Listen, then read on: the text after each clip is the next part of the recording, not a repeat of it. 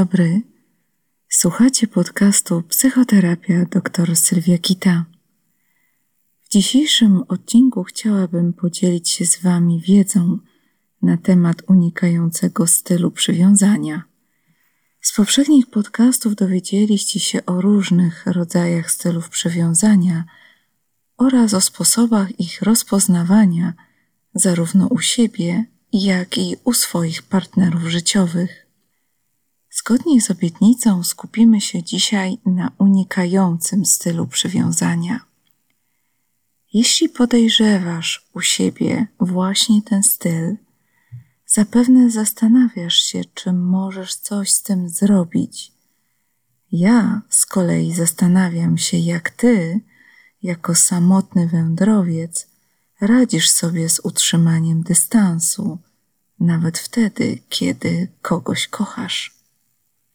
Spróbuję pomóc Ci zrozumieć Twoje zachowania w związkach i to, w jaki sposób blokujesz się przed poczuciem pełni szczęścia.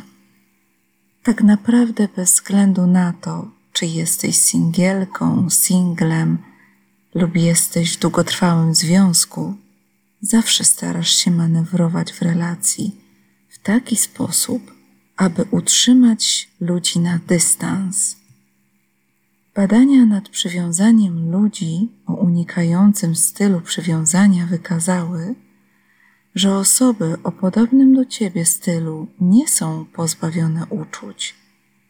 Jest to jedynie ich postawa obronna. Wyobrażam sobie, że podobnie jest u ciebie.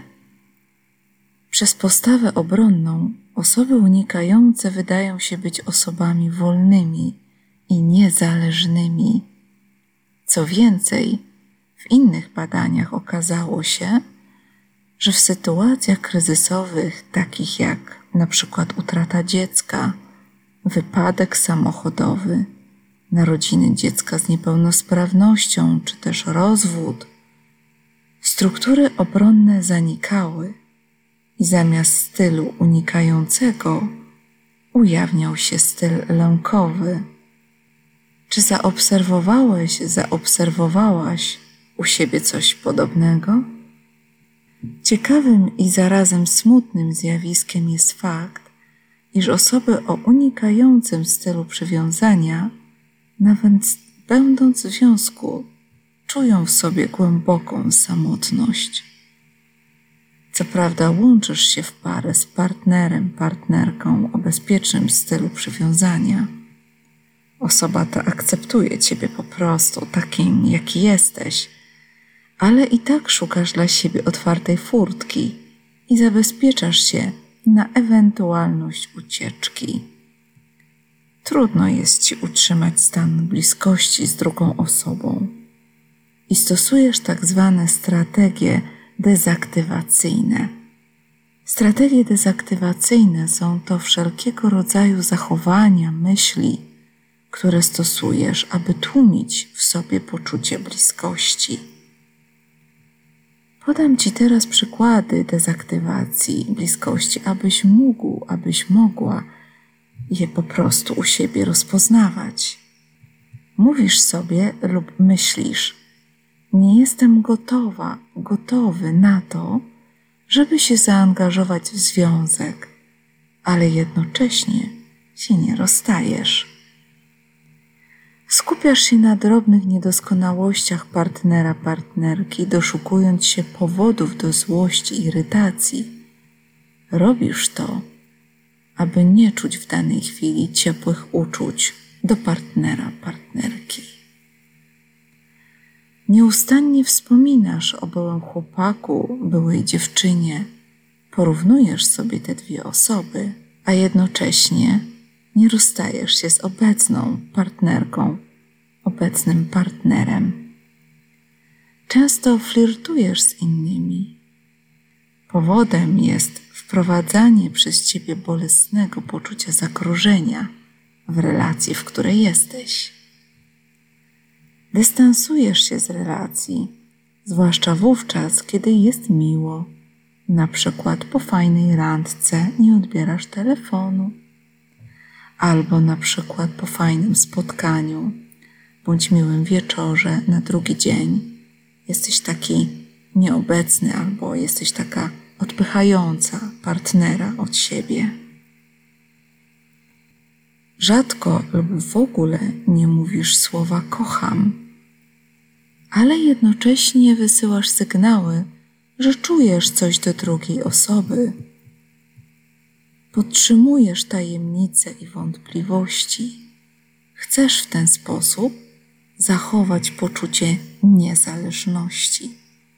Wreszcie unikasz fizycznej bliskości. Mam tutaj na myśli, że unikasz seksu. Wolisz spać oddzielnie lub sprytnie unikasz wspólnego chodzenia spać. Jeśli jesteś osobą o unikającym stylu przywiązania, stosujesz właśnie tę strategię, ponieważ chcesz się upewnić, że nikt nie zabierze lub nikt nie ograniczy ci Twojej autonomii. Niestety takie zachowania tak naprawdę pozbawiają Cię możliwości czerpania radości z bliskiej relacji. Czy kiedykolwiek zdarzyło Ci się, że na początku, jak zacząłeś bądź zaczęłaś się z kimś spotykać, był to dla Ciebie fantastyczny, wręcz idealny związek, partner, partnerka?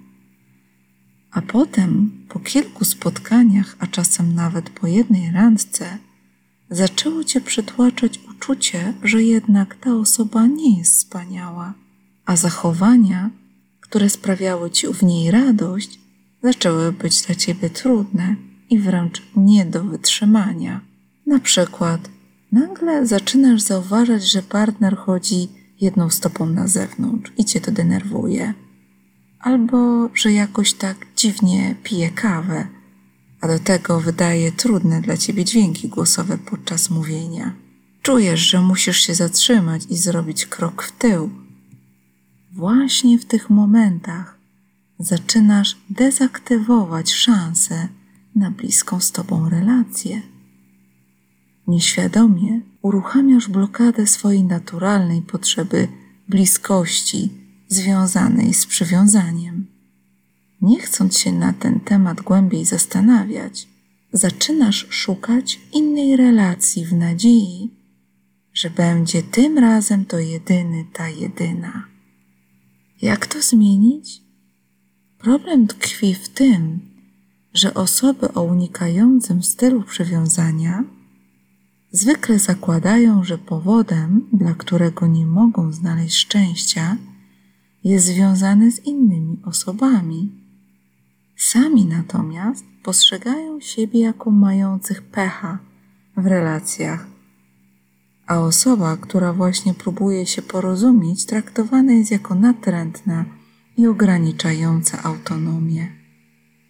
Rzadko się zdarza, aby osoba o unikającym stylu szukała w sobie powodu rozstań, a jeszcze rzadziej takie osoby przychodzą na psychoterapię.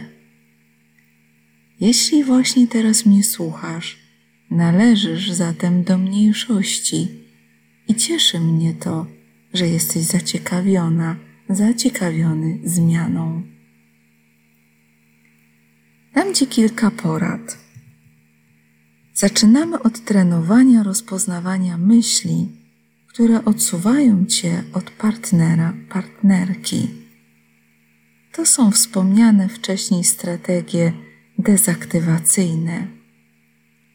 W sytuacji, kiedy ktoś ci się podoba i nawet miło było ci ten czas z nią spędzić, zaczynasz dosłownie z każdą chwilę tę osobę widzieć zupełnie w innym świetle, zatrzymaj się i zastanów się może Twoje zwracanie uwagi na niewielkie doskonałości to właśnie reakcja Twojego stylu przywiązania? Przypomnij sobie, co Cię fascynowało w Twoim partnerze, partnerce. Pamiętaj o tym, że masz skłonność do niewłaściwego interpretowania zachowań. Zrób sobie listę tego, za co jesteś wdzięczny, wdzięczna w swoim związku. Osoby o unikającym stylu przywiązania nieustannie skupiają się na negatywnym myśleniu o osobie, z którą są w relacji. To zupełnie w tym przypadku normalne. Zatrzymaj to. Nie jest to łatwe zadanie, oczywiście, ale zacznij świadomie skupiać się na pozytywach każdego dnia.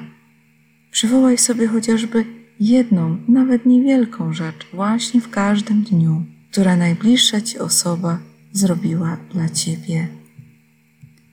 Zapomnij o tym, że istnieje coś takiego jak dopasowany, dopasowana istota dla ciebie. Związek to proces, w którym trzeba aktywnie uczestniczyć, pielęgnować relacje, angażować się, odwzajemniać uczucia. Pomocne będzie dla Ciebie i Twojej relacji tak zwane rozpraszanie, a więc wspólne wyjazdy, na przykład w góry, wspólne przygotowywanie posiłków, czy też, jeśli masz dzieci, wspólna z partnerem, z partnerką ich wieczorna pielęgnacja. Ludzie o unikającym stylu przywiązania często są nieświadomi własnej potrzeby dystansowania się. Co jest tutaj ważne? Otóż odczuwają oni przymus wyrwania się, ale nie wiedzą, dlaczego ten przymus występuje. Czy masz podobnie?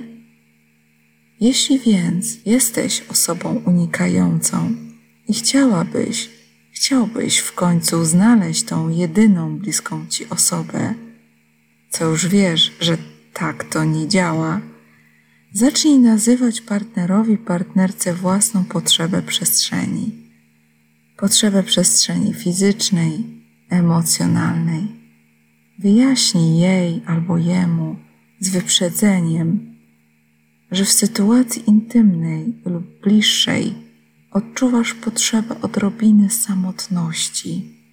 Podkreśl koniecznie, że to nie jest reakcja na tą konkretną osobę, a jedynie ważna potrzeba, jaką masz w każdej relacji.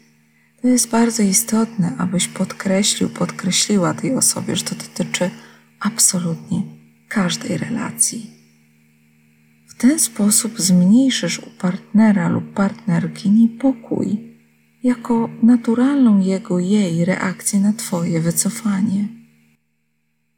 Wasz związek otrzyma szansę na uniknięcie dynamicznej pogoni za Tobą. Funkcjonowanie w relacji z osobą o unikającym stylu nie jest łatwe, zarówno dla partnera, partnerki, o innym stylu przywiązania, jak i dla samego unikającego. Ważne jest zapamiętać dwie rzeczy. Pierwszą rzeczą jest to, że nie ma idealnych ludzi i idealnych związków. Drugą rzeczą do zapamiętania jest wiedza na temat siebie samego oraz partnera. Chodzi tutaj o rozumienie powodów wzajemnego reagowania.